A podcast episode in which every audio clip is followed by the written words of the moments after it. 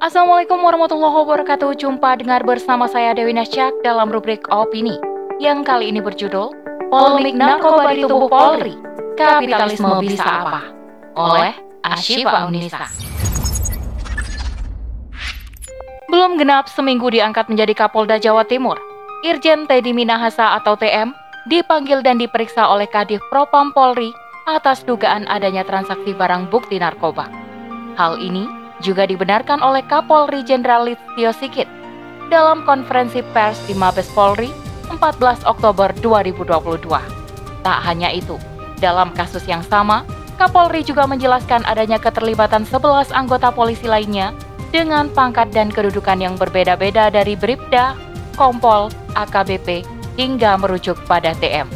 Beberapa saat sebelumnya, nama TM sudah banyak dibicarakan orang karena didapuk sebagai anggota polisi terkaya dengan kekayaan mencapai 29 miliar rupiah. TM tercatat hanya satu kali melaporkan harta kekayaannya ke KPK saat ia menjabat sebagai Kapolda Sumatera Barat, yakni pada 26 Maret 2022. Tentu, ini merupakan nominal yang begitu fantastis untuk kekayaan seorang pejabat polisi dengan pangkat irjen yang hanya memiliki gaji dan tunjangan tak lebih dari 50 juta per bulan. Ini tentunya bukan kali pertama seorang anggota Polri terjerat kasus narkoba. Sebelumnya, terjadi penangkapan oleh personil Bit Propam Polda Jatim pada Senin 22 Agustus 2022 terhadap Kapolsek Sukodono Sidoarjo, Jawa Timur karena terbukti mengonsumsi narkoba. Masih di tahun yang sama, pada pertengahan Mei lalu, Propam juga menangkap 136 anggota polisi yang menjadi pecandu narkoba. Rentetan kasus ini semakin mencoreng nama institusi Polri dan mencederai kepercayaan masyarakat. Bahkan, hal ini sudah sangat bertentangan dengan UU nomor 2 tahun 2002, pasal 13 yang mengatur tentang tugas pokok kepolisian negara Republik Indonesia, yaitu A. Memelihara keamanan dan ketertiban masyarakat. B. Menegakkan hukum. Dan C. Memberikan perlindungan, pengayoman, dan pelayanan kepada masyarakat. Polisi yang seharusnya mampu mengayomi dan menegakkan hukum justru menjadi pelaku kejahatan itu sendiri. Perkara ini jelas sudah tidak bisa lagi dikatakan sebagai human error atau kesalahan individu, melainkan kondisi kerusakan yang tersistem baik dalam tubuh Polri maupun dalam sistem kapitalis hari ini. Kapitalisme sebagai cara pandang yang hari ini diterapkan hampir di seluruh dunia sangat mengakomodasi lahirnya para pecandu bandar hingga mafia besar narkoba. Dalam acara PPATK Legal Forum di Jakarta, Sri Mulyani pernah menjelaskan perputaran uang gelap terbesar di dunia saat ini ditempati oleh narkotika yang besaran estimasi atau value keuangan ilegalnya mencapai 344 US dollar atau sekitar 5.300 triliun rupiah per tahun. Keuntungan berlipat hingga peredaran uang yang begitu pesat dalam bisnis ini tentu sangat menggiurkan di mata masyarakat dan penegak hukum sekalipun. Terlebih dengan kondisi populasi Indonesia yang begitu berlimpah, sukses menjadi pasar peredaran narkoba. Tak heran jika angka kasus terkait narkoba senantiasa mengalami peningkatan tiap tahunnya.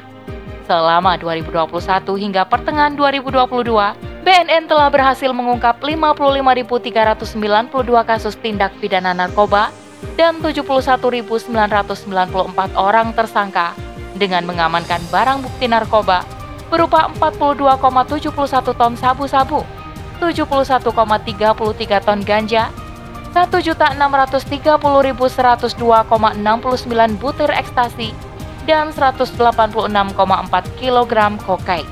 Peningkatan terjadi hingga hampir 20 kali lipat dibandingkan dengan data periode tahun 2016 hingga 2019 yang hanya berkisar 3.764 kasus narkoba. Peningkatan ini juga didukung oleh sistem hukum kapitalis yang tidak akan menghasilkan efek jerah Bahkan parahnya lagi anggapan hukum bisa dibeli sudah menjadi rahasia umum saat ini. Bobroknya sistem hukum juga diperparah dengan keterlibatan oknum lembaga penegak hukum sebagai tersangka yang berulang kali terjadi. Inilah fakta kerusakan yang lahir dari rahim kapitalisme dan tidak akan mampu diselesaikan oleh ideologi itu sendiri sampai kapan pun. Kapitalisme melahirkan manusia yang menjadikan manfaat sebagai tolok ukur hidupnya Selama bisnis yang ditekuni menghasilkan pundi-pundi rupiah, tidak peduli lagi akan halal dan haramnya. Mereka tidak akan peduli sekalipun hal tersebut menghancurkan negara atau bahkan merusak generasi. Lebih dari itu, penyalahgunaan dan peredaran narkoba terus terjadi karena sistem hidup yang melingkupi masyarakat saat ini. Sistem kapitalis yang berakidah sekuler pada akhirnya memancarkan landasan hidup liberal sehingga berperan besar dalam menjerumuskan generasi ke dalam atmosfer hidup yang penuh dengan kebebasan.